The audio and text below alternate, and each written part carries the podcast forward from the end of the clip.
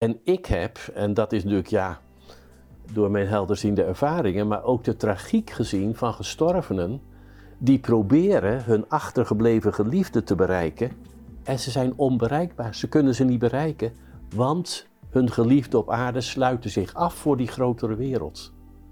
Dus dat veroorzaakt een tragiek in die geestelijke wereld. En dat is wat ik zie en meemaak. En wat mij dus motiveert. Ga door, maak Ja. ze wakker, Ja. vertel hoe het zit. Wat, Ja. wat, wat drijft ze eigenlijk, deze entiteiten, Lucifer, Ariman? Het zijn gevallen engelen, Mhm. maar hun val is niet zomaar slechtheid. Het is in wezen ook een offer. De Christus zelf is 2000 jaar geleden geïncarneerd in de mens Jezus. En Ariman zal binnenkort in Amerika in een mens incarneren. En dan zal daardoor dat materialistische denken van de mens versterkt worden. Nergens zo sterk in Europa als hier in Nederland zijn de kerken verdwenen. Mhm. Hun geestelijk huis zijn de mensen kwijt. En nu staan ze helemaal leeg. En dan moeten ze vanuit die leegte, vanuit zichzelf, iets nieuws opbouwen. Maar het is een geschenk Mhm. dat dat wegvalt. Want nou kan er van binnenuit iets wakker worden. En nou zie je het overal. Meestal is het Satan bevrijden, we moeten Satan bestrijden. Nee. Dat is, dat is de publieke opinie, eh, zeg maar. eh, Wat ik jou hoor zeggen eigenlijk, ja. is dat liefde het antwoord is ook op alle kwaad.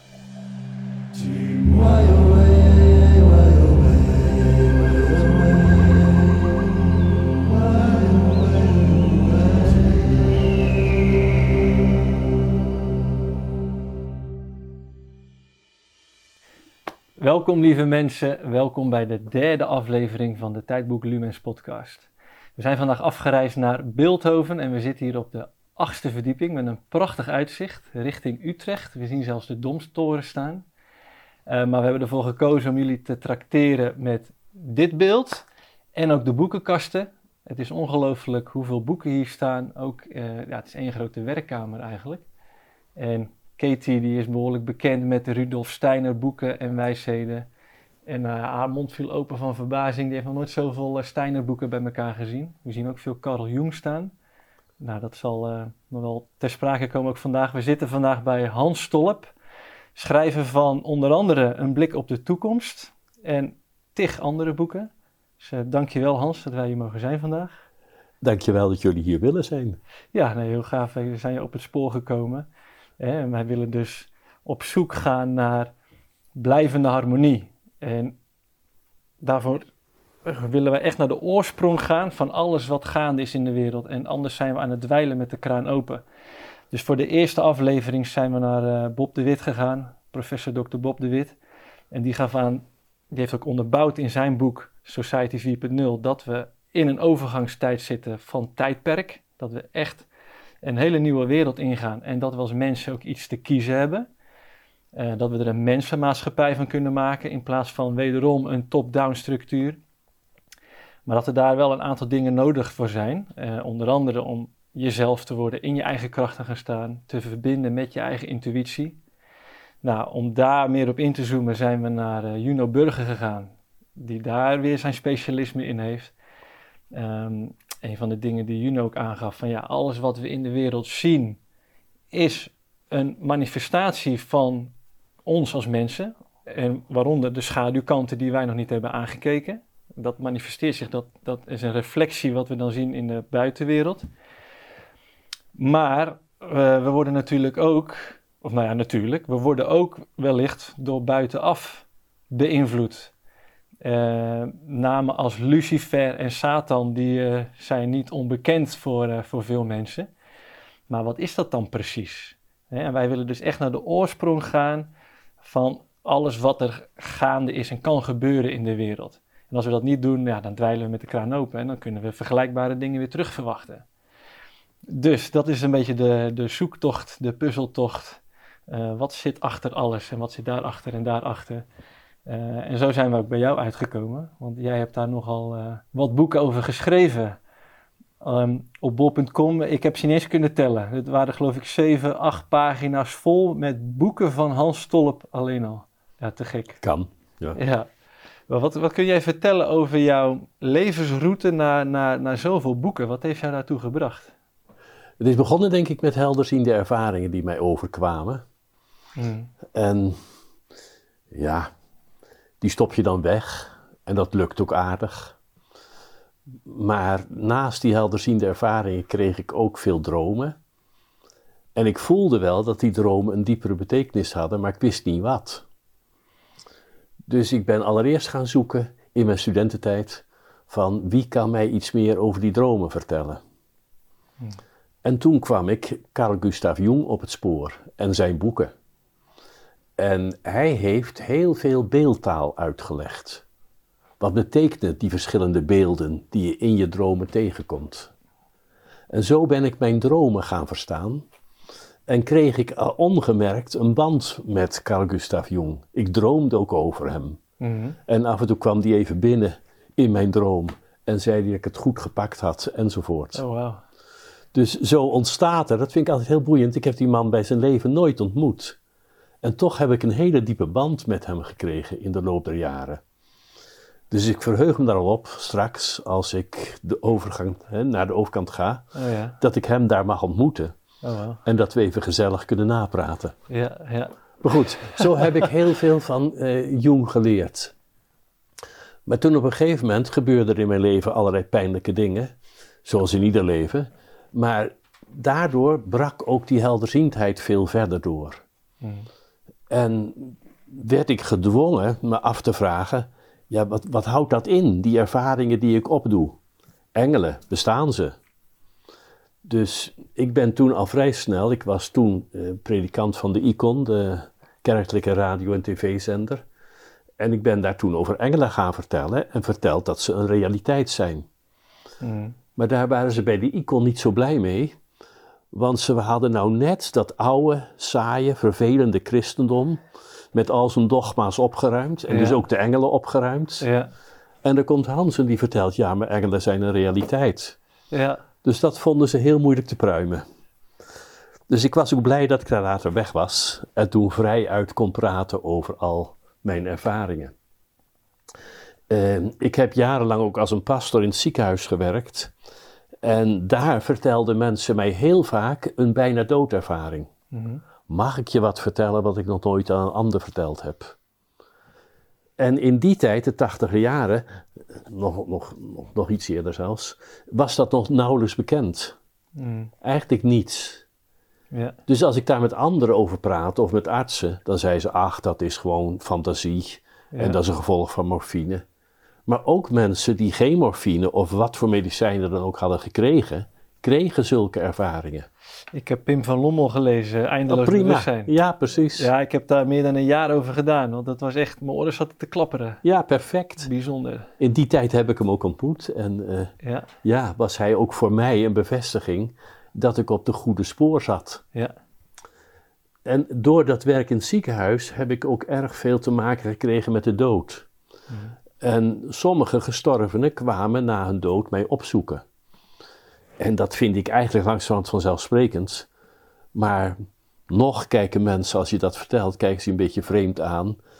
En je hoort ze bijna denken, is die man wel normaal? Mhm. Voor mij is het de normale wereld. ja, Dus ik leef eigenlijk met deze wereld, maar tegelijkertijd met die grotere wereld, die is een realiteit.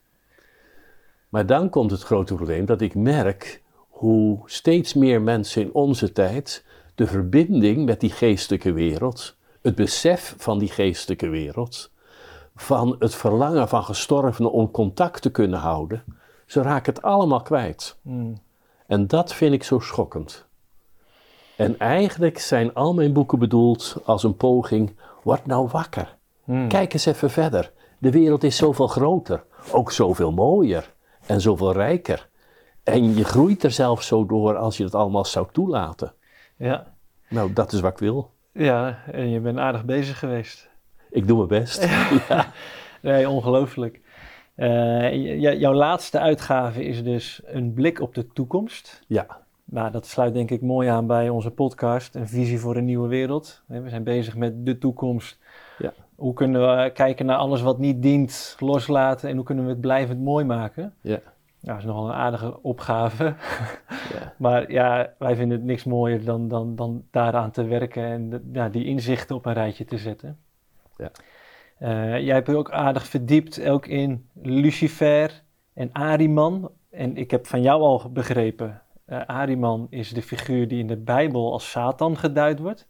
Ja. Nou, dat wist ik al niet. Ik wist ook niet. Ik heb een christelijke opvoeding gehad. Ik dacht, er is maar één Ja. slechte figuur in de Bijbel. Dat is Satan. Maar Lucifer en Satan zijn dus de duivel en Ariman. Wacht even hoor. Eh, je hebt Satan en Lucifer in de Bijbel. Juist.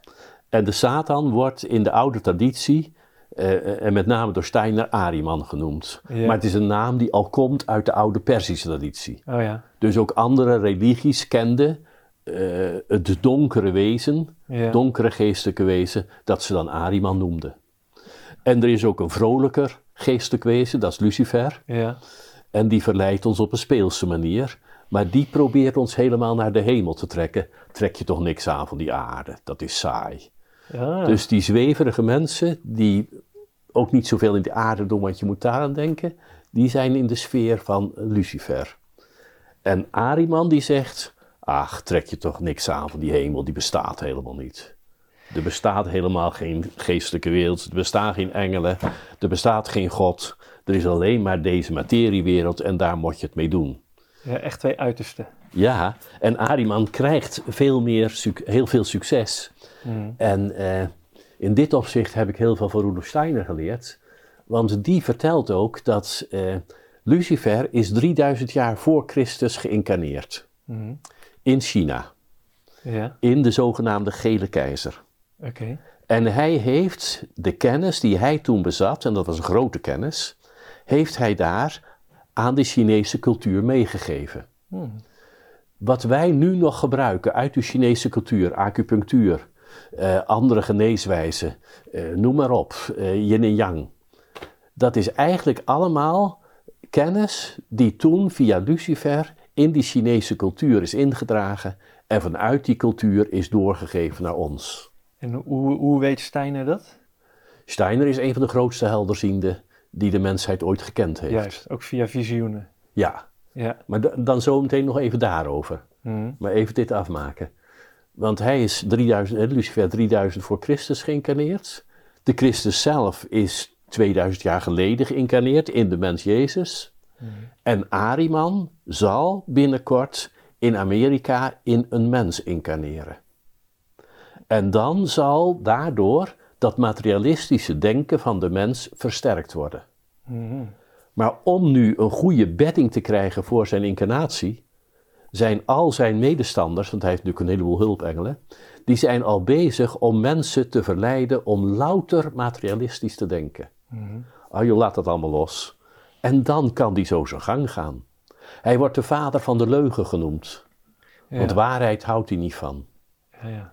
En toen ik al die verhalen las over Trump en hoezeer voor hem de leugen vanzelfsprekend is, dan denk ik bij mezelf: kijk, daar zie je het. De incarnatie van Ariman is aanstaande. En nu al werpt dat zijn schaduw vooruit. ja, ja.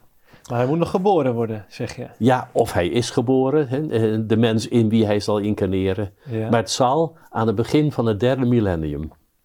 Dus dat is in deze tijd ergens. Juist. Maar goed, is het belangrijk? Jawel.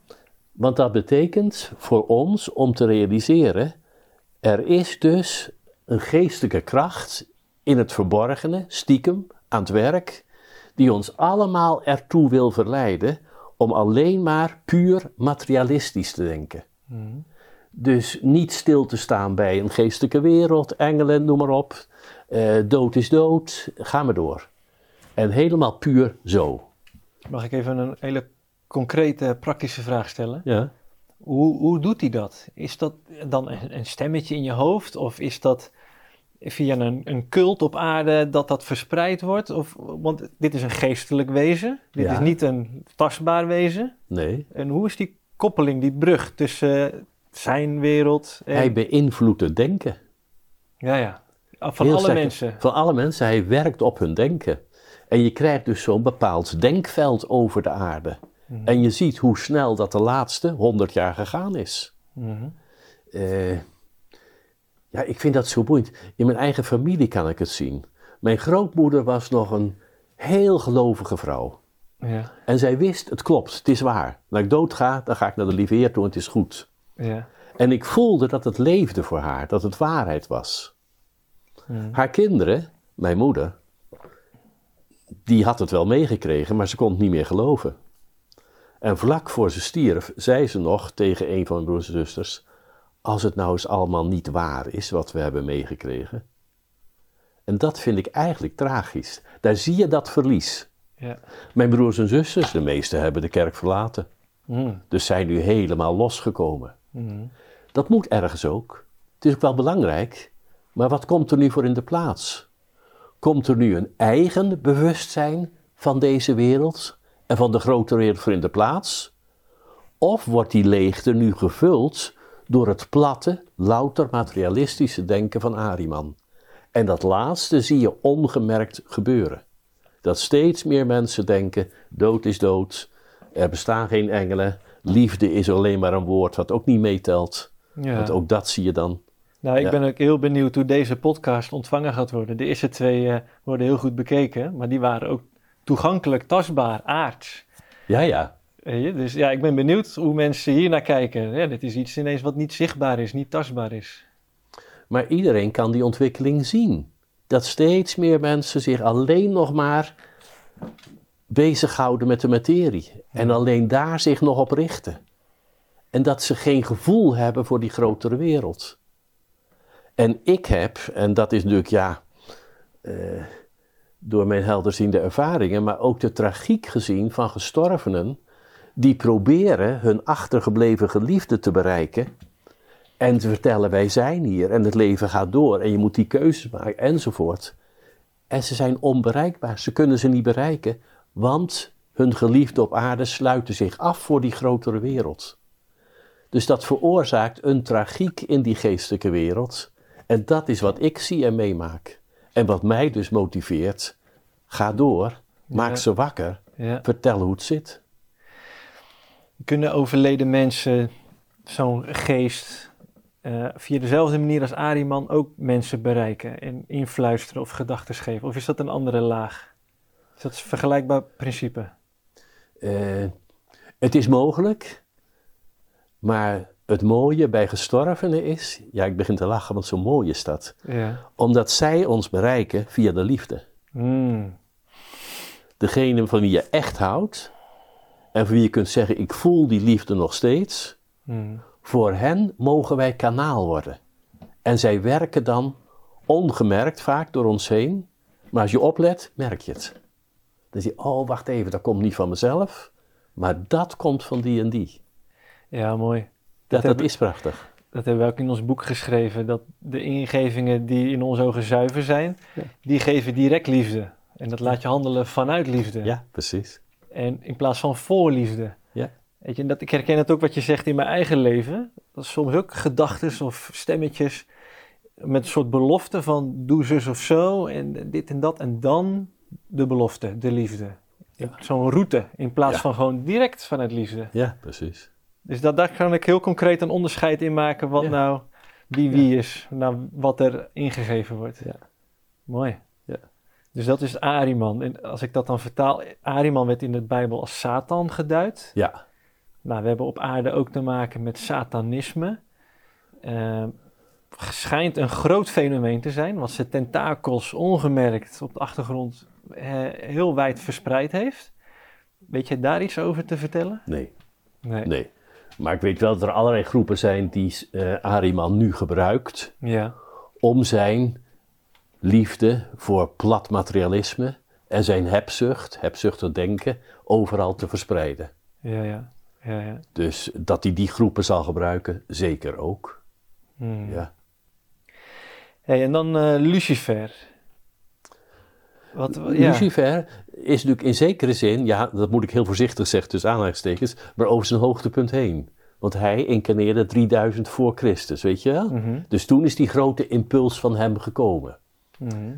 Maar je ziet hem aan het werk overal waar mensen zich juist weer afzetten tegen dat platte materialisme Mhm.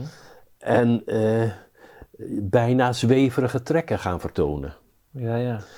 Ik vond het fascinerend om in de tijd van corona te zien hoe enerzijds de Arimanische invloedssfeer voelbaar was in de mensen die zich verbonden met vaccineren, prikken, doen. Mhm.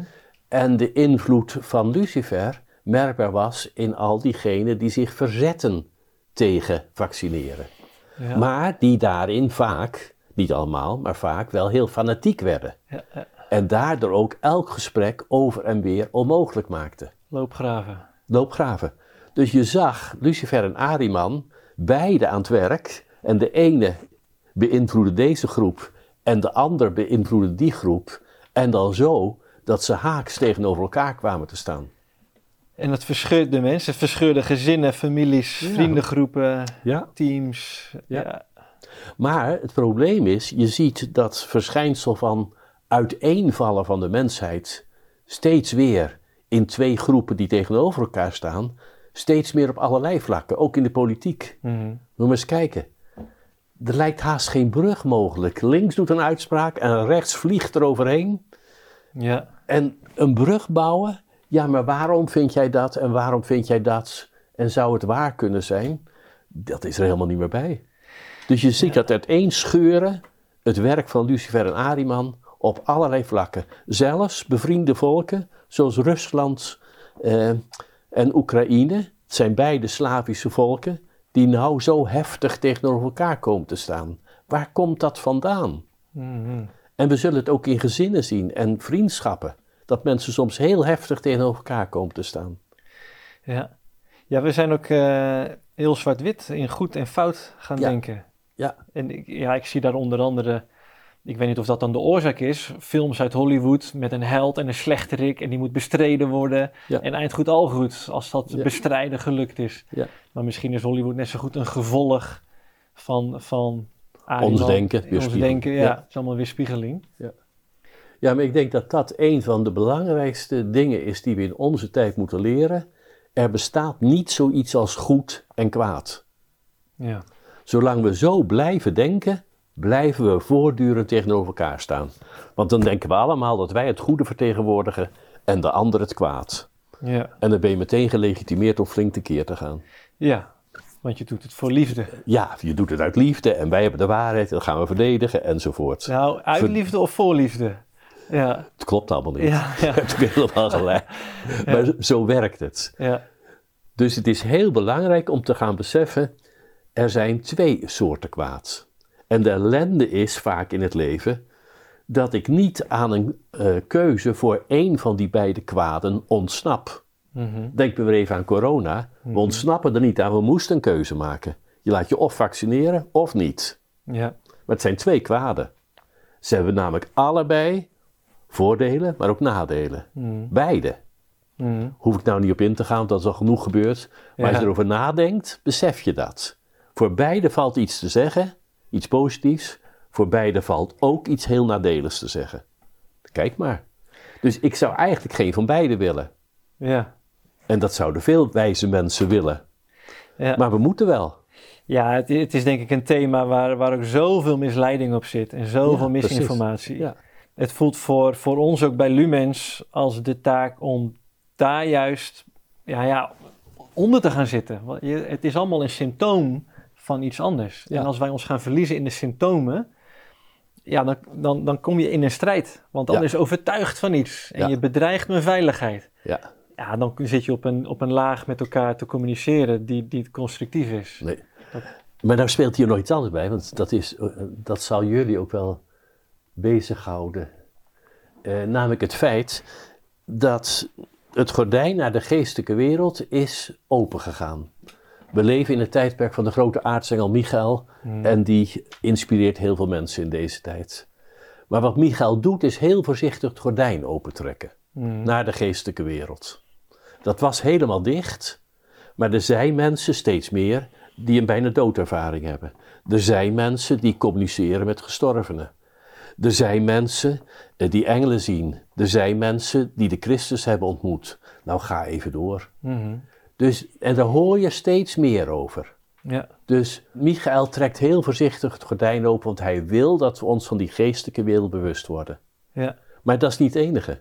Mhm. Hij trekt ook een gordijn van binnen in onze ziel of in ons hart open.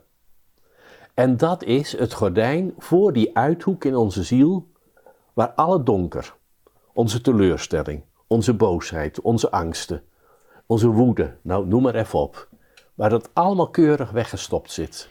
En hij trekt dat open. En nu moeten we ons dat bewust worden. En dan krijg je het probleem. Als wij ons dat niet bewust worden, dan gaan we het projecteren op anderen. Wauw. Dus het gordijn van binnen gaat open. Het donker komt naar boven. Jung zou dat onze schaduw noemen. Hè? Die komt Ja. naar boven. En wat gaan we er nou mee doen? Gaan we het op anderen projecteren en zeggen we die ander is een schoft en is lelijk enzovoort? Of hebben we de moed naar binnen te gaan en dat donker in onszelf aan te kijken en stap voor stap te transformeren? Dat is de grote vraag waar we voor staan. Ja, wauw. Ik nou een stap verder mag gaan, ik nog toch bezig ben.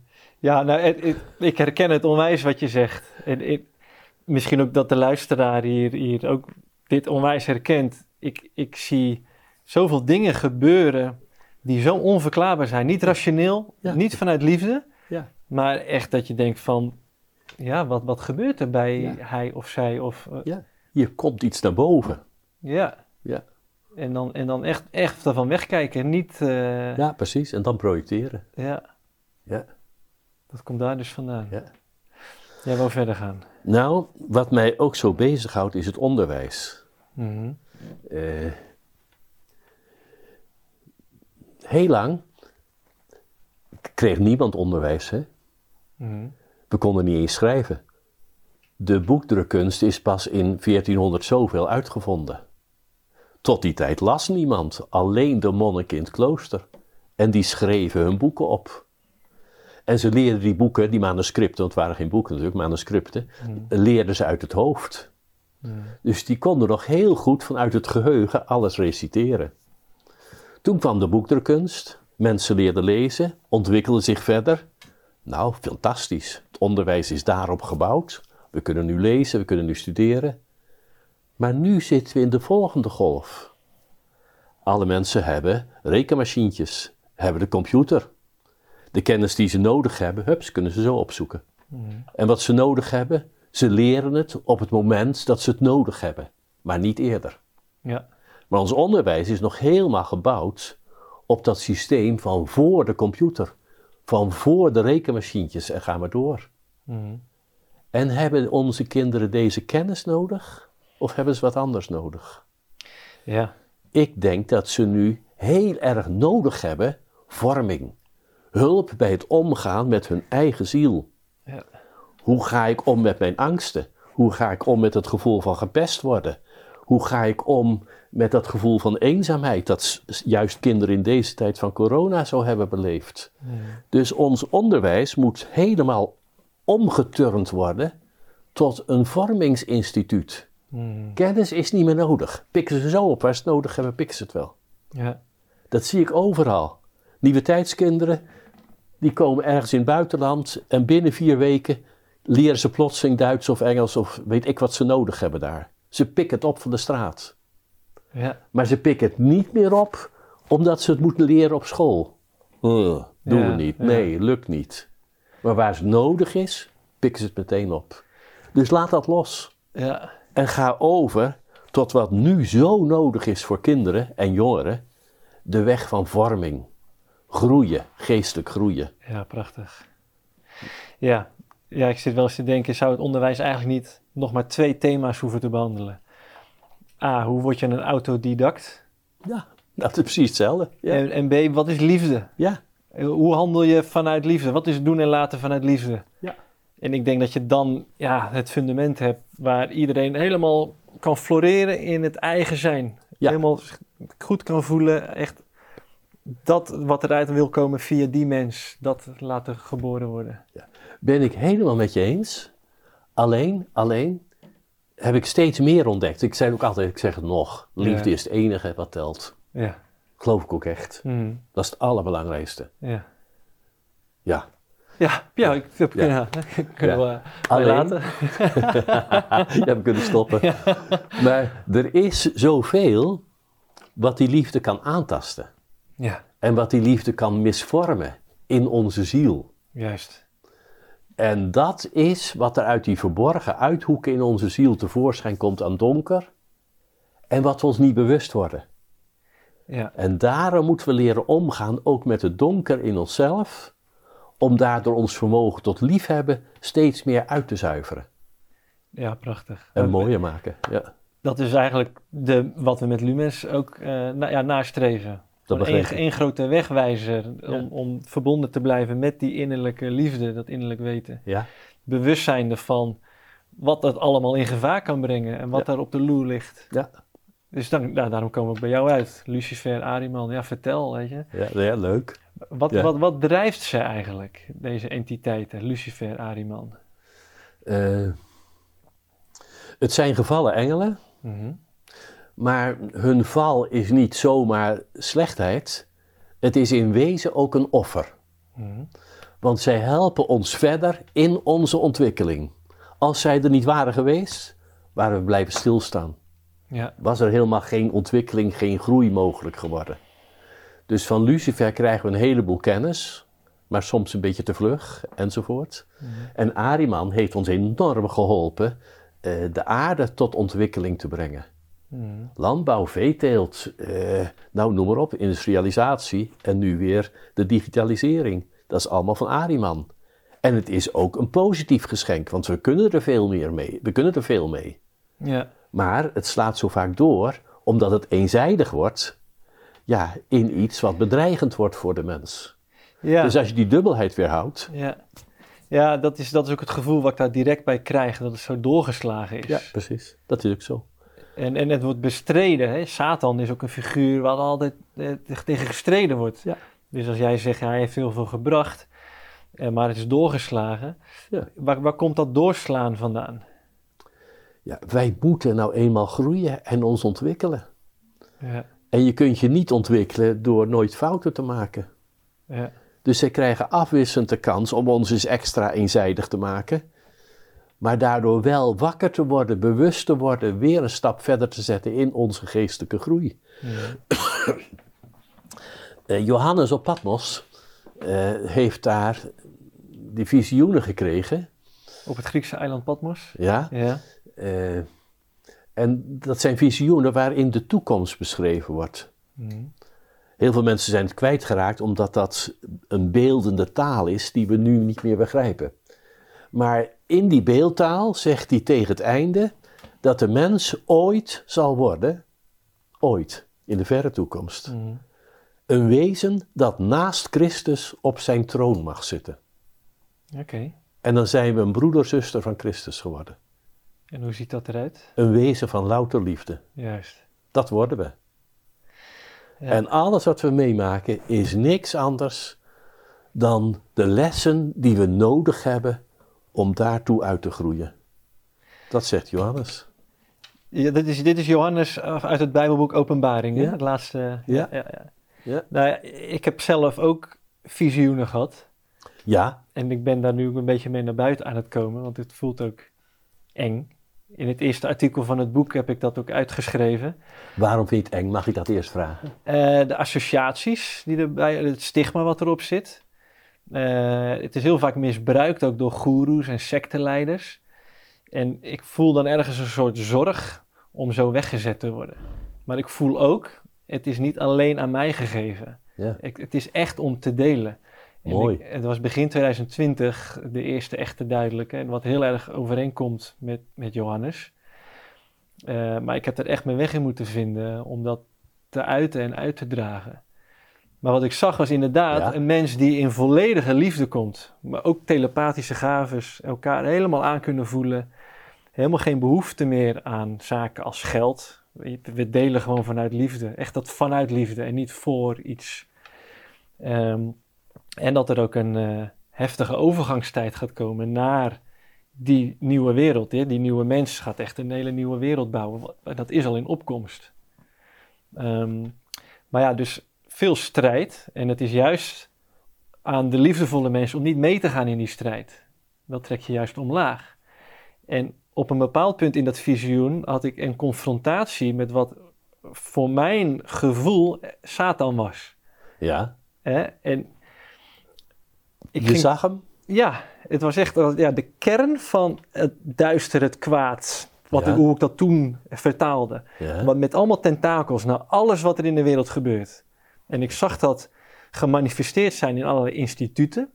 Elk denkbaar instituut, onderwijs, banken, financiële wereld, democratieën, tussen haakjes, uh, religies, het financiële systeem, alles. Maar ook vooral in de mens zelf. Echt in ieder mens, die tentakels. Ja. En ik, maar in dat visioen dus was ik daar helemaal vrij van. En ik was dus, ja, ik voelde me echt een soort indianen krijger, heel, uh, heel krachtig en heel onbevangen, on, ja, onverveerd. en ik ging ja, hem, hem, benaderen. Het was voor mij echt een mannelijke entiteit. Dus toen ik jou ook hoorde, het is Ari Man. Ja, ja. dacht ik, ja, man, inderdaad. Het voelt voor mij heel mannelijk.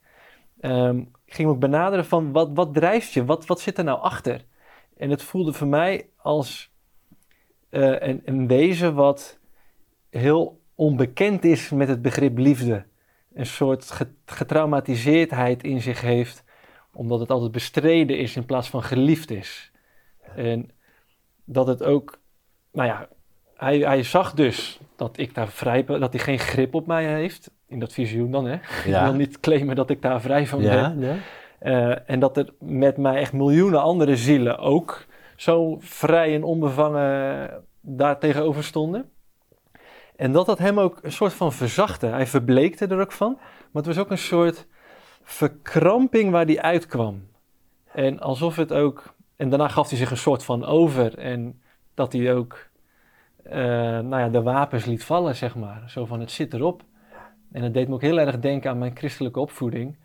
Dat Satan, uh, wat Satan telkens doet in de Bijbel, uh, is aan God wel even laten zien dat zijn schepping uh, faalbaar is en niet perfect is. En dat de mens slecht is en tot allerlei slechte dingen toe in staat is.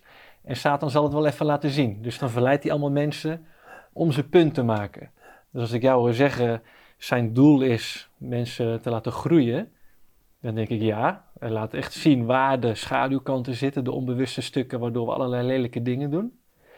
Maar ik voel ook ja, dat doorgeslagene, echt dat getraumatiseerde, als een driftig kind wat niet gehoord wordt, ja, dat gaat blaren, brullen, dingen slopen om maar gezien te worden en erkenning te krijgen. En, en zolang er niet geluisterd wordt, wordt dat, intensiveert dat alleen maar. En nou, wij hadden eergisteren een voorgesprek hierover. En ik begrijp van jou dat uit het esoterische christendom wordt ook gegeven dat het de taak van de mensen is om Satan te bevrijden. Ja, dat, in het begin van het gesprek zei jij dat jij heel erg thuis voelde komen van Rudolf Steiner. Met, met, met jouw visioen en je dromen. Nou, dat gevoel had ik toen ik jou in gisteren sprak. Ik dacht, wauw. Want dit is iets wat ik bij weinig mensen uh, kwijt kan. Want meestal is het Satan bevrijden. We moeten Satan bestrijden. Nee. Dat is, dat is de publieke opinie, uh, zeg maar. Uh. Wat ik jou hoor zeggen eigenlijk, ja. is dat liefde het antwoord is ook op alle kwaad. Ja. Geen strijd, maar liefde. Ja. En dat deel ik helemaal met je. Ja. Ja, volledig. Wat deed dit visioen jou? ja. ja, dat zette mijn wereld op zijn kop. Ik, dat, uh, uh, je gaat daarna weer naar werk. Ja, Het is alsof je een clownspak aan hebt. Zo voel je Alsof je in een totaal andere wereld zit. Uh, ja, clownspak is misschien een verkeerd, maar alsof je ja, echt een totaal ander uh, wezen bent. En begrippen als, als geen geld nodig hebben en niet de strijd aangaan. Dus ik had er eerst nog een innerlijke strijd in. Van wat heb ik nou gezien joh, klopt dat wel? Maar het was zo'n rots in de branding dat het echt zo vanuit liefde voelde en zo kloppend. Heb je die liefde ook gevoeld? Ja, het 100%. Ja? Geen twijfel. Gewoon echt, echt, echt een leven zonder twijfel.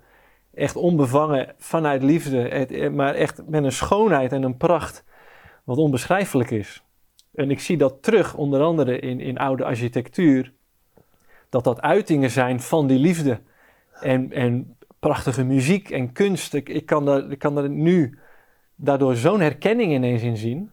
En van kathedralen eh, had ik bijvoorbeeld best wel een, een, negatief beeld vanwege de kerk en alle associaties en de dwalingen die de kerk ook gehad heeft.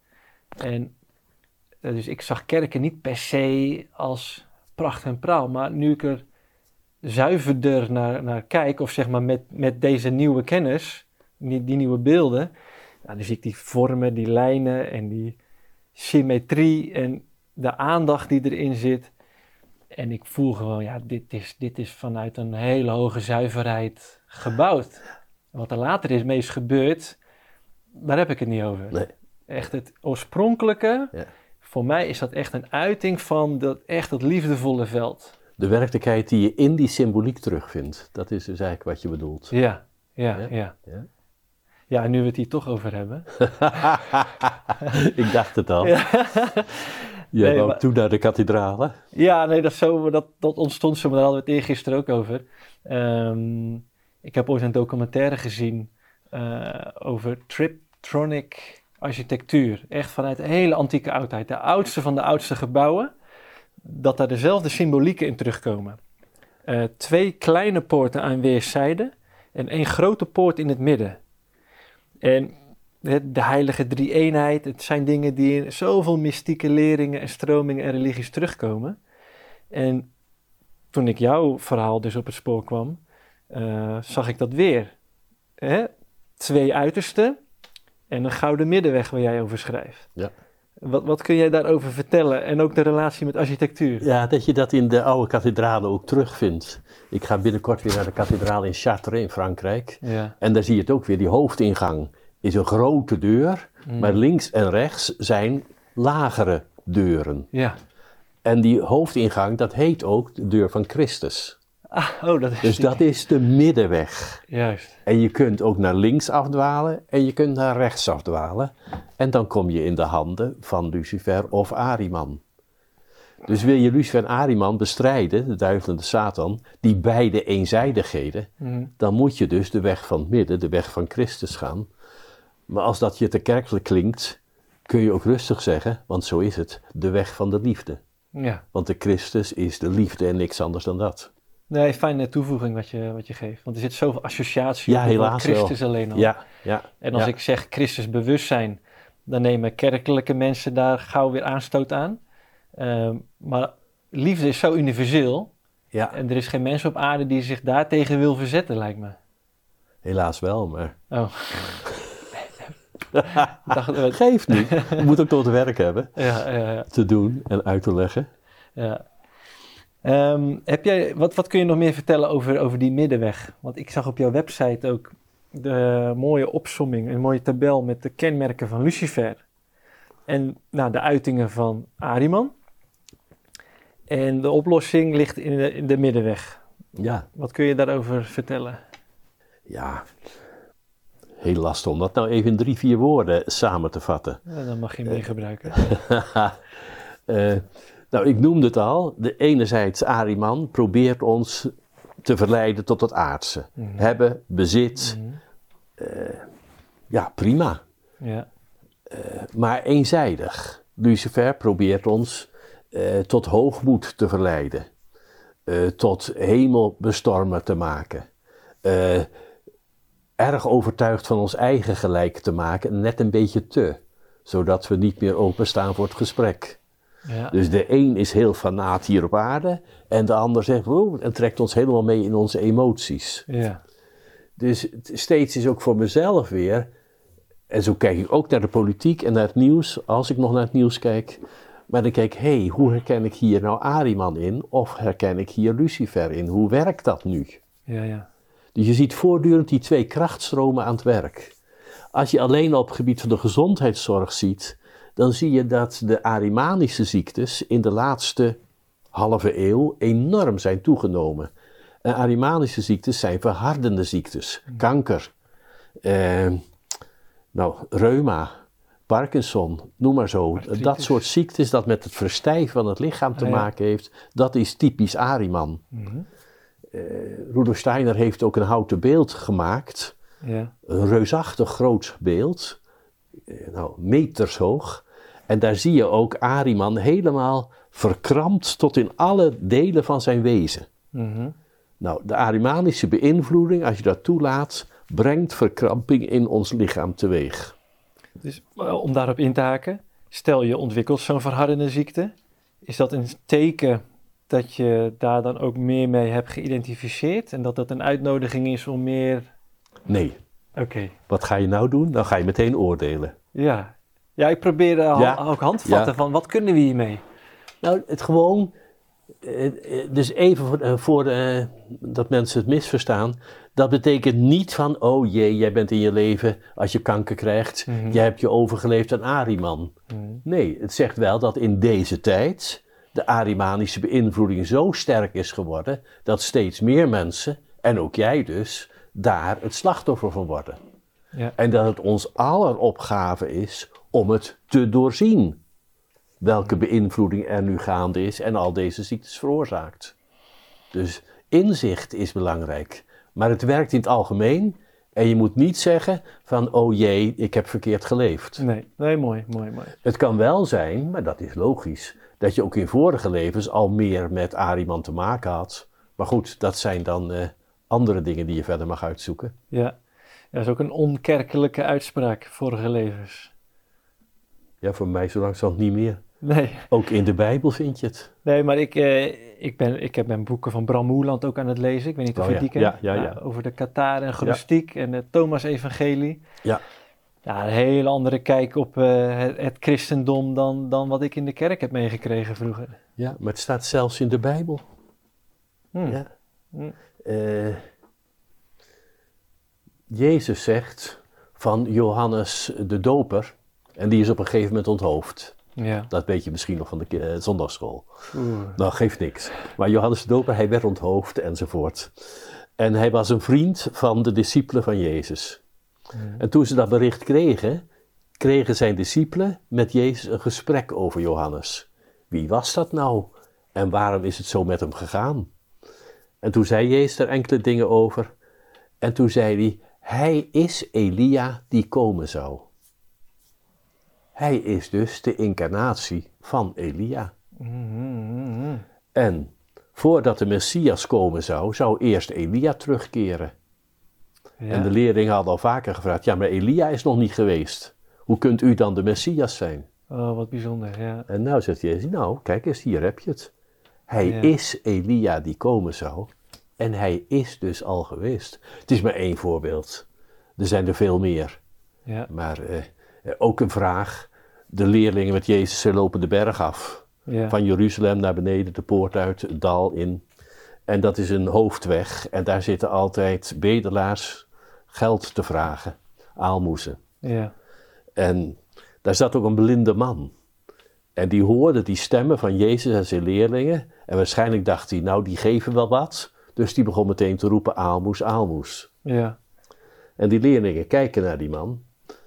En die vragen dan aan Jezus eerst eens, waarom is deze man eigenlijk blind geboren? ja. Is dat eh, van zijn eigen fout of is dat een fout van zijn ouders?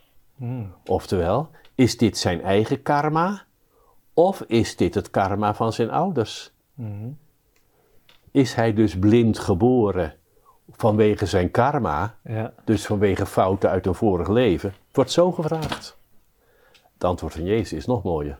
ja. Die zegt nee, het is niet zijn eigen karma. Het is ook niet het karma van zijn ouders. Maar hij is blind geboren. En dan staat er letterlijk opdat de God in hem geboren zou kunnen worden. En de God in hem is het hogere ik. Ja. De ware liefde. En vaak, ik denk dat iedereen het wel herkent, door moeilijke en pijnlijke ervaringen heen, kan juist die grotere kracht naar boven komen, voelbaar worden. ja. Nou, dat is wat Jezus daar zegt. Ik, ik kom nu op een punt dat ik het zo moeilijk vind om interviewer te zijn. Want ik wil zoveel kanten op. er zit Ja. nog de hele tijd een vraag in mijn hoofd over Luciferiaanse ziektes dan? Want je hebt net Arima, dus die wil ik ook even stellen. En dan, dan weer verder hiermee gaan. Maar kun, kun je dat nog eventjes duiden? Ja, Luci- Lucifer wil ons losmaken van ons lichaam. Ja, Dus eh, waar we de controle over onszelf kwijtraken. ja, Eh Alzheimer kun je ook zoiets noemen, weet je wel? ja, De, ja. de grip op je eigen leven kwijtraken. ja. Zo waar dat zich voordoet, daar zit je in de buurt van eh, Lucifer. Koorts, warme ziektes. Zo kun je het ook het mooiste. Warme ziektes met koorts, opwinding, emoties, driften. Daar heb je te maken met Lucifer. ja, ja. Eh, ziektes zonder koorts, daar heb je te maken met Ariman. Oké. Nou, dankjewel. Ik heb onthouden waar ik eh, het andere straatje mee verder wilde gaan. Ehm, eh, dus de persoonlijke crisis of tegenslag, wat soms een zegen is, een blessing in disguise. Ja.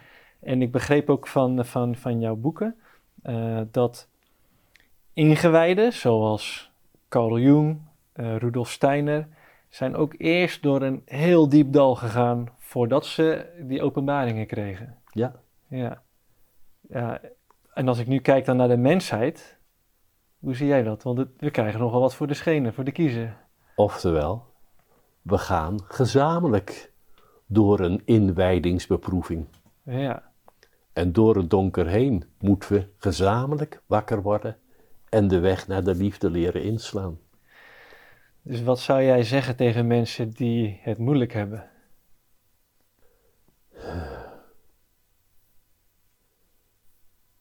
Daar hou ik altijd mijn mond. Oh ja? Ja. Weet je, ik heb zo'n hekel gekregen in mijn leven Mhm. aan vrome woorden. Dat het een zin kan hebben, dat moet ik niet zeggen. Dat moeten ze zelf leren ontdekken. Mhm. Dus wat ik dan wel tegen mensen zeg is dit. Kijk nou eens terug op je leven. Ikzelf, jij. En kijk eens naar de moeilijke tijden. En hoe ben je daar doorheen gekomen, in wezen? Als ik dat bij mezelf kijk, dan zie ik, mens, nu pas achteraf zie ik hoe ik geholpen ben in die tijd. Hmm. Toen ik er middenin zat, zag ik het niet. Maar ik ben echt geholpen. Wat bijzonder.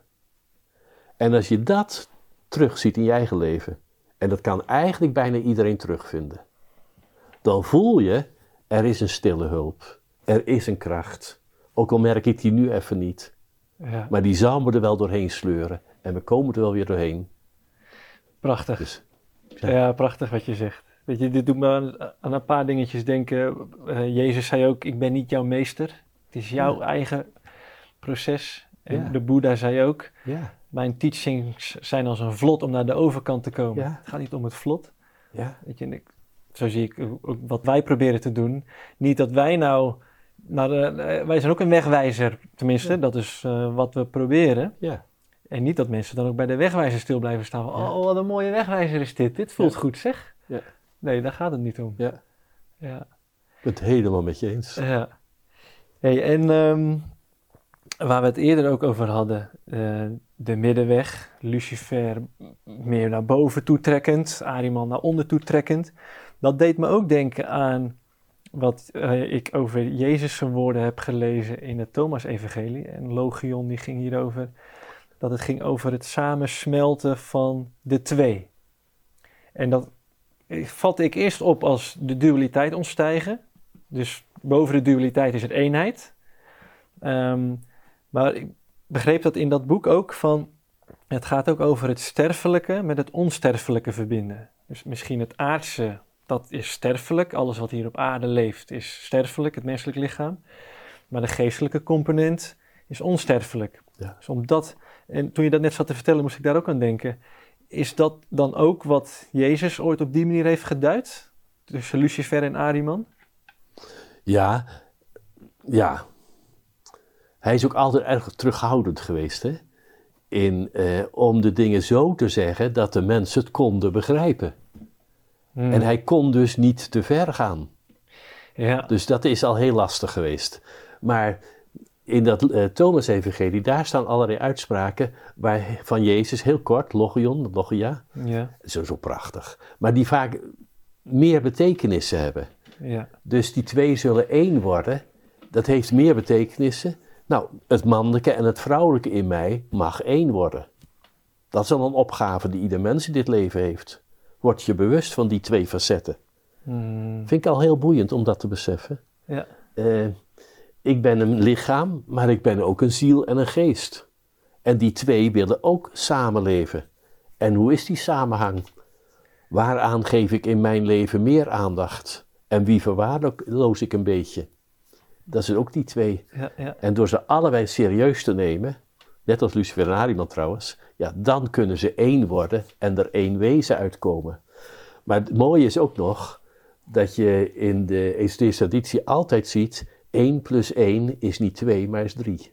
Mm, Dus uit de verbinding van de tegenstellingen ontstaat altijd een nieuw mens, groter en hoger dan het oude. Dus uit Ariman en Lucifer, die verbinden in jezelf, daaruit ontstaat een nieuw mens die de weg van het midden gaat, de Christusweg of de liefdesweg. ja. Prachtig. Ehm, er zijn er een paar begrippen voorbij gekomen waar soms wat verwarring over is. Nu heb ik jou dat eens een keer heel duidelijk zien uitleggen. Eh, lichaam, geest en ziel. Eh, jij, hebt daar, ja, jij bent echt op. Jij baseert je ook op Jung en Steiner. En zo'n.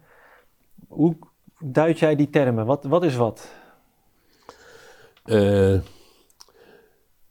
nou, in de Bijbel komen we dat tegen, hè? Die, eh, dat begrip lichaam, ziel en geest, dat zijn we alle drie. Mhm, mhm, Dat is de mens helemaal kwijtgeraakt, dat eerst eens even. Ja. In 869 geloof ik, maar ik vergeet altijd precies het jaartal, maar in die buurt, is er een concilie geweest van de kerkvaders in Constantinopel. En die hebben toen uitgesproken, ach, Paulus zegt wel in de Bijbel, de mens is een lichaam, een ziel en een geest. Maar die geest bestaat niet, dat is flauwekul. Ja. Dus die hebben de geest geschrapt. Sinds die tijd bestaat er ook in de kerken alleen nog maar een lichaam en een ziel. Maar steeds minder mensen konden in de voorbije eeuw iets met die ziel. Wat is nou toch die ziel? Mhm. Nou, toen is daar Nietzsche geweest, de grote filosoof, maar hij is alleen kenmerkend voor een bepaalde ontwikkelingsstroom. Die zei, ach weet je, we zijn eigenlijk alleen maar een fysiek lichaam. Die ziel is niks. Dat is hooguit een bepaald facet aan dat fysieke lichaam. Ja, ja. Eén stap verder. Nou, als dat lichaam doodgaat, blijft er dus niks meer over. Ja. Dan ben je gauw klaar. En dat is precies het punt waar we nu staan. Ja. Toen kwam Rudolf Steiner en die zei: Ja, zullen we eens teruggaan? Zullen we eens even kijken naar die oude driedeling? Wat is dat nou eigenlijk? En die heeft het uitgelegd als vierledigheid. En die gebruik ik maar liever omdat ik het zo mooi vind. We hebben een fysiek lichaam, nou dat is helemaal duidelijk. Ja. Maar hoe leeft dit fysieke lichaam? Wat is het verschil, kan ik ook zeggen, tussen een dood mens en een slapend mens of een mens in coma? Mhm. Dan zie je toch een verschil. Ja, zolang wij nog slapen of in coma zijn, dan werken er bepaalde krachten door het fysieke lichaam heen, die dat fysieke lichaam in leven houden. Die, die, die levenskrachten, die noemt Rudolf Steiner je etherische krachten. En die vormen een soort lichaam, hups, en dat neemt dus de uiterlijk ook van mijn fysieke lichaam aan. Nou, kijk naar een slapend mens en je ziet een fysiek lichaam met een etherisch lichaam. Als die mens wakker wordt, dan ineens wordt hij bewust, kan hij praten. En kan hij in beweging komen en dingen gaan doen. Ja, dan wordt zijn ziel wakker. Mhm. Die komt terug. Oftewel zijn astrale lichaam. Mhm. En in die drie werkt ook nog iets groters, de geest. Eh, op sommige momenten kun je ineens iets zeggen waarvan je jezelf verbaast. Waar heb ik dat vandaan? Ja. Ken je ja. dat? Ja, zeker. Waar haal je het vandaan? Ja. Dat zijn de influisteringen van onze geest, ons hoger zelf. Juist. En die leidt ons. Dus dat is iets anders dan onze ziel. Juist. Eh, als je 's morgens wakker wordt, heb je dan wel eens dat je ineens met zo'n schok wakker wordt? Mhm. Wat is die schok? Dan komt je ziel terug vanuit de geestelijke wereld waar die s'nachts gezellig geweest is. En die keert terug in je lichaam. En dat is net een vliegtuig dat een beetje stuitert op de landingsbaan. En dan doe je zo. Mooie vergelijking. Ja. En dan weet je het. Ik heb soms ook wel, dan word ik half wakker en dan kan ik me niet bewegen. Want dan is mijn ziel nog niet terug. Dan voel ik ook, moet ik even geduld hebben. En die Je- komt wel, Word je wel eens wakker van een wekker? Gebruik Ja. je wel eens een wekker? liever niet. Dat hoeft niet meer nou, Ja. op deze leeftijd. Dus doe ik het ook niet. Soms. maar- Heeft dat een invloed hierop? Ja, ja, die wil ik ook niet. Want die verstoort dat proces van zelf wakker worden. Ja, ik zet al tien jaar of zo geen wekker meer. Nee, Dan precies. ben ik gelukkig een ochtendmens. Ik ga lekker vroeg naar bed en om een uur of zes eh, vind ik Mooi. heerlijk. Ja, Ik had laatst moest ik hem dan zetten voor een vlucht. Maar ik wist niet meer goed hoe dat werkte. Toen heb ik die vlucht gemist. Ach, ik kon niet meer. goed- Ja. ja, zo zonde. Maar nee, ik voel ook enorm eh, dat, dat verschil. Ik voel Ja. me echt wakker worden als een vrij mens. Ja. Als ik uit mezelf wakker word. In Ja. plaats van, eh, ik moet. En je wacht tot je ziel terugkomt. Ja. Ja, En dan moet je wel even opletten. ja. Want waar komt je ziel dan mee terug? Met wat voor gevoel? Met wat voor En hij inzichten? was misschien nog bezig met iets Precies. wat niet afgemaakt is. Ja, als je met wekker eh, wakker wordt wel. Die wordt gestoord. Maar als je wacht tot je vanzelf wakker wordt... en dan even goed opletten, wat voel ik nou eigenlijk? Ja. Dan word je gevoelig voor wat je ziel s'nachts in de geestelijke wereld beleeft. En van daaruit aan inzichten meeneemt. Want s'nachts, als ik dan slaap en mijn ziel is te hard op... dan heb ik wel gezellig contact met al mijn gestorven geliefden. Ah ja. Dus ik kan s'nachts, althans mijn ziel kan het, die kan contact hebben, praten met Rudolf Steiner, met Jung, eh, met mijn gestorven man. Ga maar door. Kun je dat sturen? Dat is niet de bedoeling. Oh. Nou, jawel. Eh, door ontvankelijk te gaan slapen. Mm. Als ik in slaap val met, oh jee, ik had dat nog moeten doen. En ik had dat nog moeten doen. En ik had dat nog moeten doen. Afijn, en, en dat is niet gelukt. Ja, Ja. dan ben je een vliegtuigje wat niet erg hoog opstijgt. Ja, ja, ja. En dus geen ontmoetingen heeft. Mm. Dus wanneer je loslaat en echt onbevangen zegt, nou hier ben ik, ik kom eraan. En ik zou jullie graag willen ontmoeten. Zou jullie mij willen inspireren? Dan kan het gebeuren. En ze hebben, die, hebben dromen, want ik neem aan dat de beelden die je dan tijdens je slaap neemt, dat, dat zijn dromen. Hebben die altijd betekenis of zijn er soms ook gewoon wilde fantasieën zonder Ja. betekenis? Er zijn natuurlijk een heleboel eh, dromen die we gewoon verwerkingsdromen noemen. Ja, Om de rommel op te ruimen. ja, Maar hoe meer je dat zelf leert doen, je rommel opruimen, dus bewust worden wat zit er aan rotzooi in me Mm. en wat moet ik daarmee en hoe kan ik het overwinnen, eh, nou enzovoort, eh, hoe minder dat soort verwerkingsdromen nodig zijn. juist. En dan komt er meer ruimte voor de zogenaamde hogere, grotere dromen. Mooi. En dan kun je echt geleid worden. Ik heb zoveel leiding in mijn dromen gehad, Ja. dat ik daar ontzettend dankbaar voor ben. Ja, En hoe maak jij onderscheid tussen de leiding van iets wat echt klopt en een verwerkingsdroom? met vallen en opstaan ontdekken. Ja, ja. En het vervelend is dat dit soort dingen dingen zijn die je eigenlijk allemaal zelf met vallen en opstaan moet ontdekken. Mm. Dus je kan wel tips geven. Het maakt je onrustig, bijvoorbeeld verwerkingsdromen. Je voelt je niet prettig bij. Mm. Nou, dat zijn geen grote dromen. Mm. je. Grote dromen komen meer uit die sfeer nou, die jij hebt ervaren met je visioen Ja. en visioenen. Ja, ja, pure liefde. Heel vreugdevol Ja, en, en kloppend. Dus alleen al daarin kun je een groot verschil voelen. Met welke gevoelens ben ik teruggekomen. Ja. Dus vandaar dat ik zeg, let even op als je wakker wordt. Wat zijn dan die gevoelens die door je heen gaan? Die kunnen je zoveel leren. Ja. Mooi. Hey, wij zijn als mensen dus nou, beïnvloed door buitenaf en, en verstoord en uit balans en, en nou, noem maar op. Eh, zie jij dat ook in de natuur terug?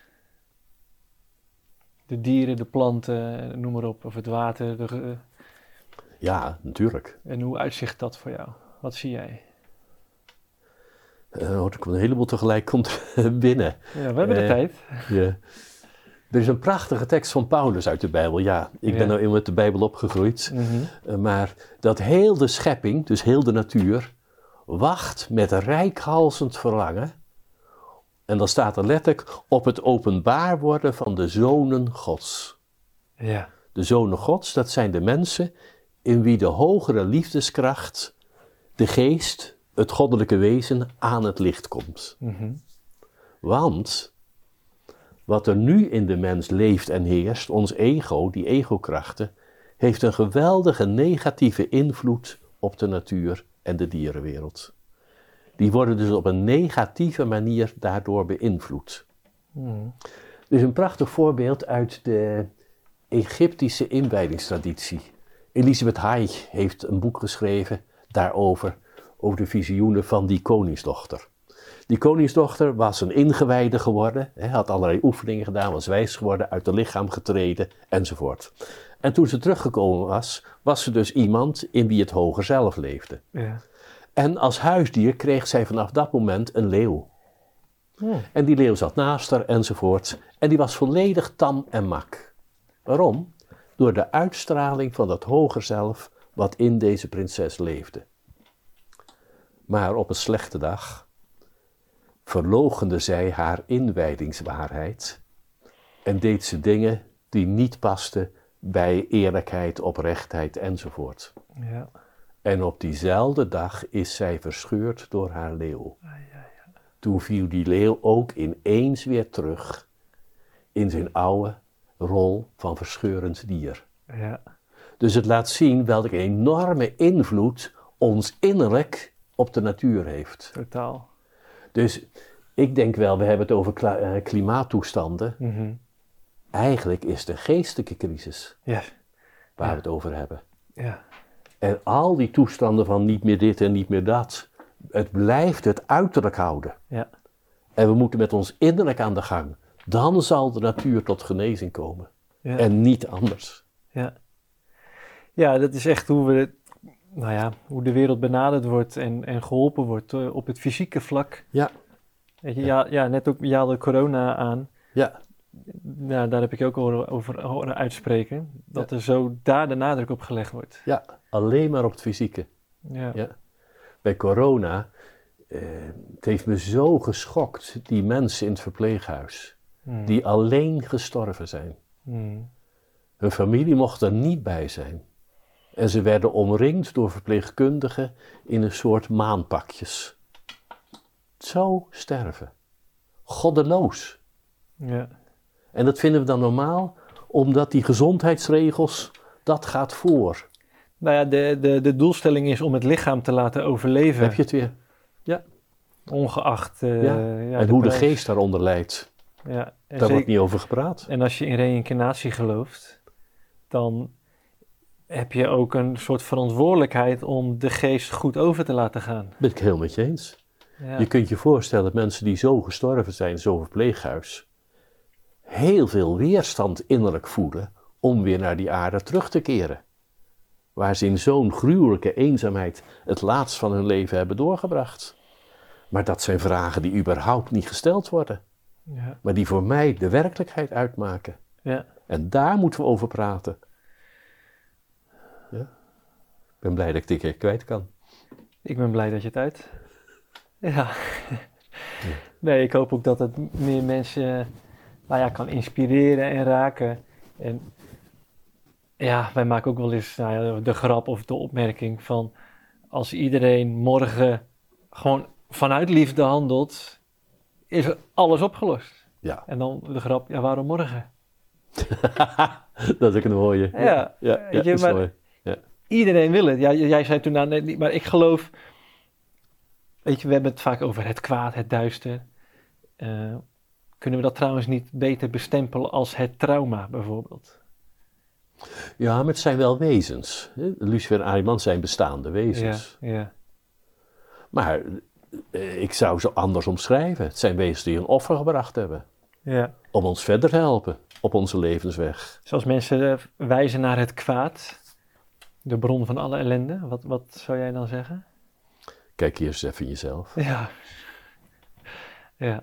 Nee, maar er zijn wel echt... Wij zijn ook met nou, bepaalde thema's ook bezig.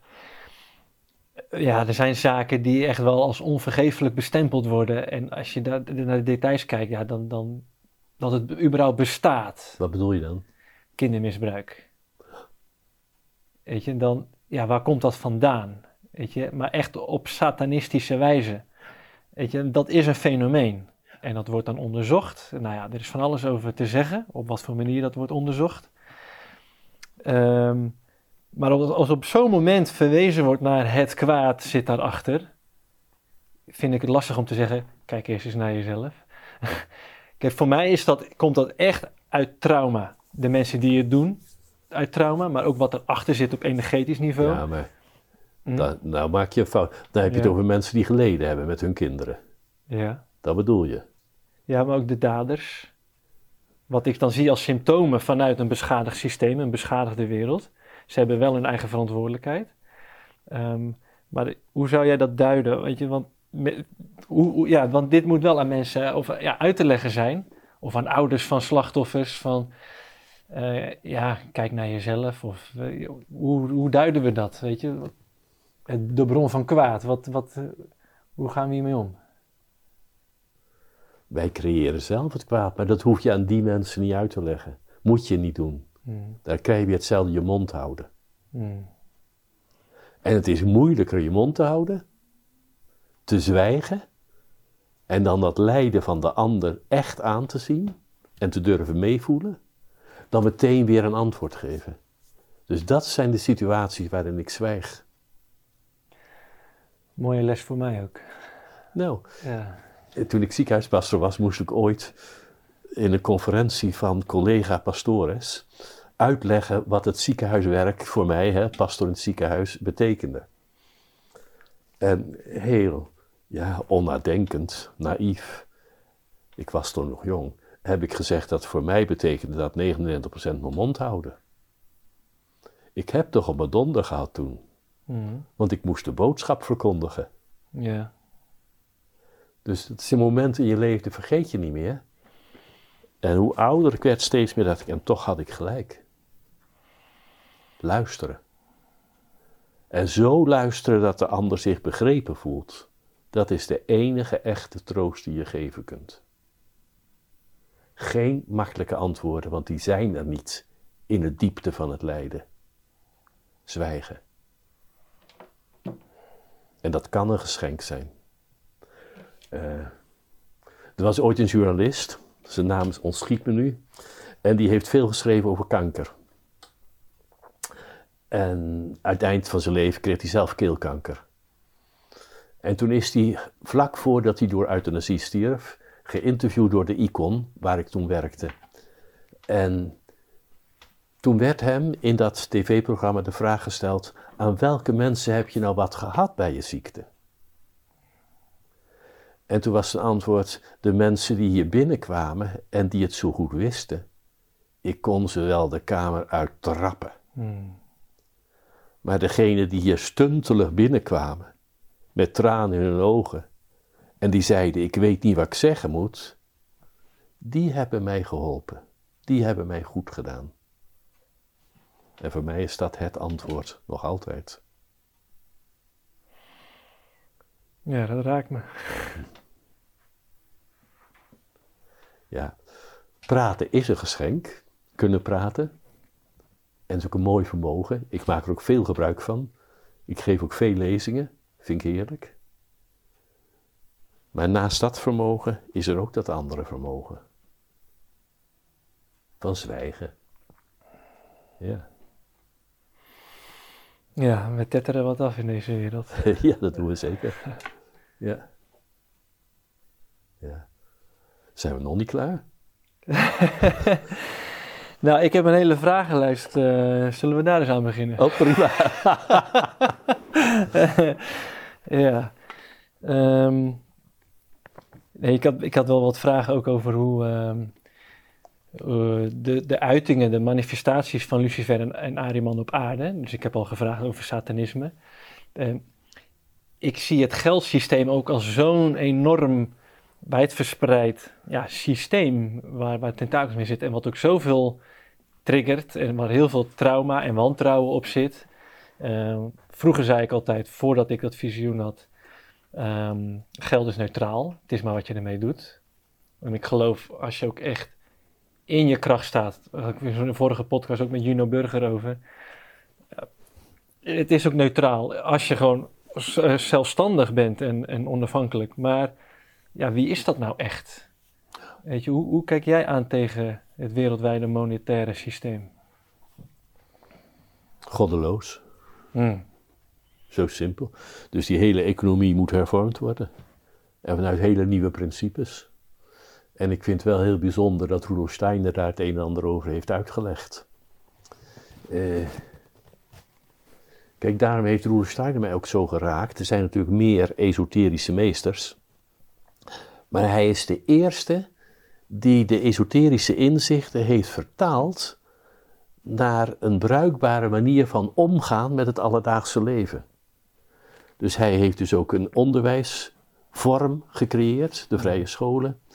Eh, hij heeft de drie geleden, de sociale driegeleding, ingesteld, zodat er vrijheid ontstaat voor mensen die geestelijk werken, voor mensen die in het onderwijs werken, enzovoort. En zo heeft hij dus ook voor het economisch leven hervormingen voorgesteld. Nou, ik denk als die ingevoerd zouden worden, dat we dan een heel andere wereld zouden krijgen. Hmm. Dus we kunnen niet onder zo- zo'n economisch stelsel uit als mens. Er moet iets zijn, geregeld worden. Ja? En Steiner is een van de eerste die dan een poging doet om dat te scheppen en te creëren en vorm te geven. Ja. Ja, grappig. Ik, eh, hier had ik het ook met Bob de Wit over in de eerste aflevering. Ja, En hij zei ook, ja, we hebben nou eenmaal iets nodig. Ja. En ik vraag me dan af, ja, maar waarom dan precies? En hij legde uit, ja, eh, ook op het meest simpele niveau, als je een kip ruilt voor twee aardappels, of eh, er moet iets van de waarde bepaald en uitwisseling zijn. Ja. Ja, ik blijf daar moeite mee houden. Want ja, op een heel bazaal niveau al, waarom is die kip van jou? Het is iets natuurs wat leeft, het, het, het groeit omdat jij het hebt gevoerd. Is die van jou? Of, en waar heb je hem dan mee gevoerd? Met iets wat je uit de natuur hebt gehaald. Oh, het stond op jouw grond. En wie- zegt dat die grond dan van jou is? Ik vind dat ook, als je erover nadenkt, is het best grappig. Of grappig, raar, geef het een oordeel of een waardestempel. Maar die grond die was er. En ooit is dan iemand geweest, nou, dit is nu van mij of van ons. En op, ja, op die manier is er zo'n systeem gebouwd, wat in mijn ogen zo'n kaartenhuis is. je hebt hartstikke gelijk. Dank je. Dat is vervelende. ja, dat hoor ik alleen, graag. alleen, hoe komen we nou bij dat ideaal van jou terecht? Vanuit deze situatie? Ja, heel simpel. Vanuit liefde leven. Ja, simpel.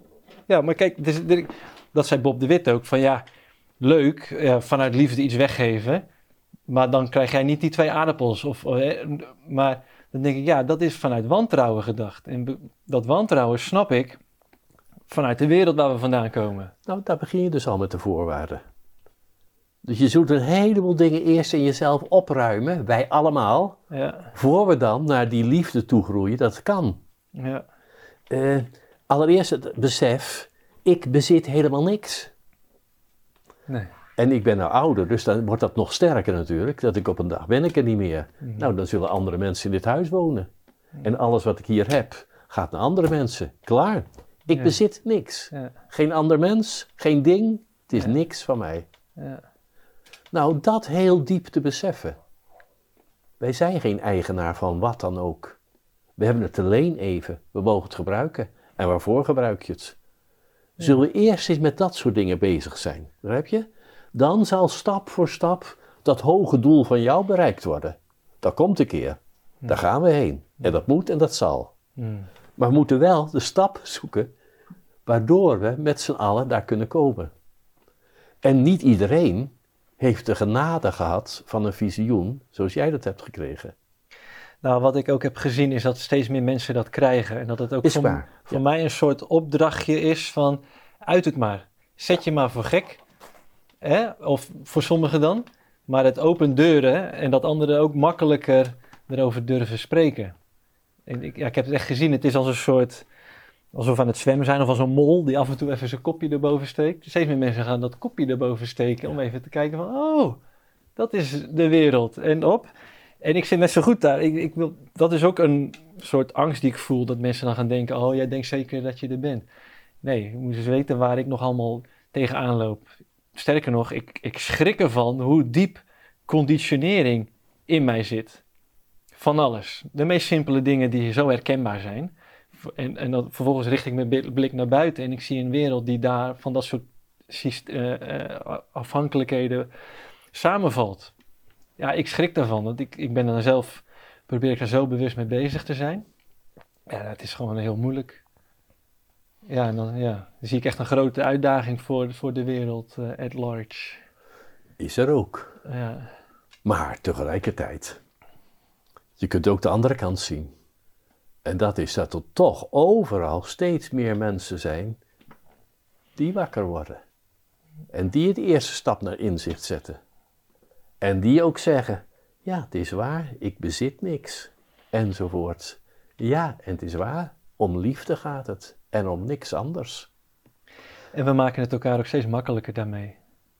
Als het steeds meer open komt te staan. Ja, en dat komt. Maar begrijp, eh, ver- vergeet niet, mensen zi- zitten helemaal onthand, met name hier in Nederland. Want eh, nergens zo sterk in Europa als hier in Nederland zijn de kerken verdwenen. Hm. Ze zijn er nog in naam. Maar de bezieling, hè, ergens bij horen, dat is er eigenlijk niet meer. Hun geestelijk huis zijn de mensen kwijt. En nou staan ze helemaal leeg. En dan moeten ze vanuit die leegte, vanuit zichzelf, iets nieuws opbouwen. Maar het is een geschenk Hm. dat dat wegvalt. Want nou kan er van binnenuit iets wakker worden. En nou zie je het overal. Het gaat me niet snel genoeg, ik zou het veel sneller willen. Maar het kan niet anders dan zo. Stap voor stap mensen wakker worden en het begint. En het is niet meer te stuiten. Ja. Jij zit nou toch ook hier Ja. met dit visioen, met een hele andere manier van kijken. Wakker geroepen door de geestelijke wereld zelf. Ja. Nou ja, en ik zou er graag nog aan toe willen voegen. eh, ehm, wat een goddelijke timing alles heeft. Ja, En vaak wordt geroepen dat het te langzaam gaat. En, en oh jee, en dit. Maar weet je, het gaat niet te langzaam, het gaat niet te snel. Al zou het nog sneller gaan, dat kijk ik ook weer naar mezelf. Ik zou helemaal ontregeld raken. Ik had al zoveel moeite met van alles. Om, Ja. om ook die andere wereld te zien.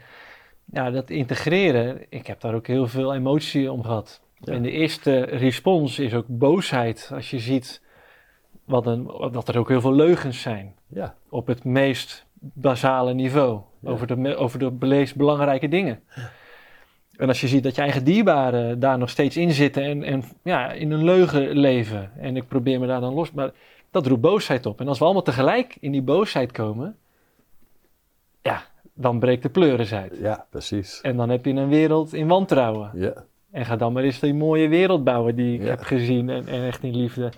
Dus ik voel juist hoe mooi het is dat we stap voor stap die boosheid kunnen verwerken, het verdriet kunnen voelen, dan bij die liefde kunnen komen die daar weer achter zit ja, en dan het mooie kunnen gaan bouwen. precies. En als alternatief. Ja. En dat is ook wat Bob de Wit zei van mensen, eh, of er komt pas echt een revolutie als er een alternatief is. En dat Ja. alternatief zal mooier moeten zijn dan hetgeen wat achtergelaten wordt. Ja. Nou, dat kan je niet uit boosheid bouwen. Nee, Dat is, dat is lelijk. alleen maar uit liefde. Ja, Ja, ja. ja. Hey, over bezittingen eh, ge- ge- ge- gesproken. We hadden net over ziel en lichaam en geest. Kun jij je vinden in de uitspraak die ik dan laatst... Want toen ik jou op het spoor kwam, ben ik dat even gaan, gaan zoeken. Zie je het ook zo dat je bent geest of een geest. Je hebt een ziel en je huist in een lichaam. Is dat goed geduid? ja, denk het wel. Dus, hè, want er wordt vaak, ik heb het ook een hele tijd als een soort trick, of eh, dat wordt dan vaak gezegd, ik eh, ben niet Ferdinand, maar mijn naam is Ferdinand. Ben ik wel een beetje op teruggekomen van ja, deze manifestatie is gewoon Ferdinand. Precies. Mijn lichaam is gewoon onderdeel van wie ik ben en mijn naam en Ja. mijn ziel. Ja. Alleen dat is wel sterfelijk. Ja. En er is ook een onsterfelijk deel in mij wat, wat voortleeft. Ja. En wat dan reïncarneert op een dag of... Ja. ja. Ja, helemaal. Nee, fijn, fijn om dat ook ja, te kunnen duiden, want er is wel veel misvatting over termen. Ja, Waar Ja. ik zelf, en ik zag jou een keer dat duiden, toen dacht ik, huh? Want dat was al anders dan Ja. wat ik daarvan begreep daarvoor. Ja, weet je, omdat die geest in eh 800 zoveel geschrapt werd door de Ja. kerken, kreeg je in de eeuwen daarna de verwarring. Ze gebruikt alleen nog maar het woord ziel. Maar is dat dan ook hetzelfde als geest? Ja, Dus je ziet nou op internet ook overal gebruiken ze het woord geest, waarvan ik denk, nee, dat Ja. is hier de ziel. ja precies. Dus, Ik zie die is tragisch. twee-eenheid zie ik telkens terugkomen. Ja. Van iets onstoffelijks en iets stoffelijks. Ja, nee, maar het is, de ziel is als het ware die verbindt. dat stoffelijke en dat onstoffelijke. Er moet een verbindende schakel zijn. En dat is die ziel, dat is dat astrale lichaam. Juist. Dus ja, ik vind ook de tragiek hoor van de kerken dat ze dit ook allemaal laten liggen. En dit Mm. totaal niet meer duidelijk maken aan de mensen. Dus ja. Ja, ja, ja.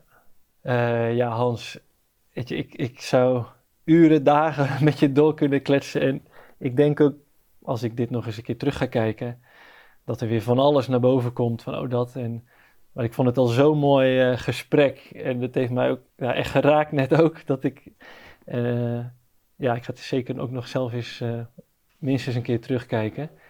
Ehm, dus ja, dank je wel.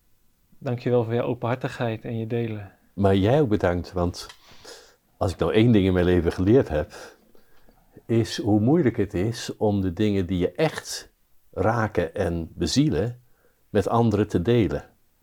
Ja, Dus steeds als je een mens ontmoet waarvan je het gevoeld hebt, ja, maar hier lukt het om iets echts te delen, is dat een groot geschenk. ja. En voor dat geschenk vandaag bedank ik je zeer.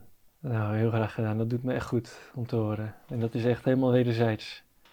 Dat voelt echt als thuiskomen. En dan vraag ik me tegelijkertijd ook af van wat gaat de luisteraar hier dan hiervan vinden. Maar daar voel ik ook zo bij. Dat Van- is weer aan hen. Ja, dat is aan hun. Weet je, dit, dit voelt gewoon, dit, dit, dit wil eruit, dit wil gewoon geboren worden, dit wil gezien worden. En ja, als richting, en nou ja, als dat dan nog niet toegankelijk is of iets, nou, dan, oké, so be it. Weet je, ik, misschien overdenk ik het dan ook om de juiste woorden te vinden of zo, maar als het gewoon lekker stroomt. En dat kan je, ja, dat, bij elkaar kun je dat heel mooi eh, oproepen, dat het lekker kan stromen. Maar zeg je dit ook, ben je bang om wat je nou zelf gezegd hebt over je visioen? Nee, nee, nee, ik ben heel blij, want ik, ik voel echt, het wil eruit. Ja, En ik zoek naar manieren ja, dat het on- ontvangen kan worden Ja. en, en ehm, op een juiste manier, in een juiste context Ja. en in een juist kader. Ja. Weet je, en dat is, dat is lastig, dus ik herken onwijs wat jij zegt. Nee, maar dat gevoel had ik ook, dat het nou mocht gebeuren. Ja, Maar ik kan me tegelijkertijd ook het gevoel, oh wat eng, ja.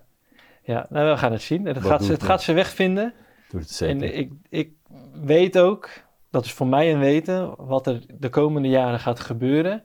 Zijn dit soort dingen kunnen een enorme houvast zijn, eh, alleen al voor mijzelf. Ja, maar ook een geschenk voor mensen. Ja, dat denk ik, dat voel ik. Ja. Want ik kom ook veel mensen tegen die wel zulke ervaring hebben, maar niet durven geloven. En meteen wegduwen. Ja, En zeggen, dat klopt niet, dat kan ik niet voelen. ja, ja. Dus je helpt ze. Nou, dat is ook iets een keer voor een volgende podcast om ehm, daar op een wetenschappelijke wijze. Ik weet dat er wetenschappers zijn die wel even gingen bewijzen dat God niet bestaat. Of dat het universum echt per toeval ontstaan is. Ja. Nou, die kwamen erop uit. Nee, er is juist wel een bewustzijn nodig wat bij elke toevallige variatie zegt: is dat de goede kant op of niet? Ja. En dan kom je wel uit op de oudheid, de, de leeftijd en de complexiteit van dit universum. Ja. Dus heel vaak zijn dat soort nou ja, atheïstische onderzoekers eh, super eh, ja, religieus spiritueel geworden. Ja. Dat vind ik geweldig. Ja, dat en als je ook ziet hoe de natuur op elkaar ingrijpt, Ja.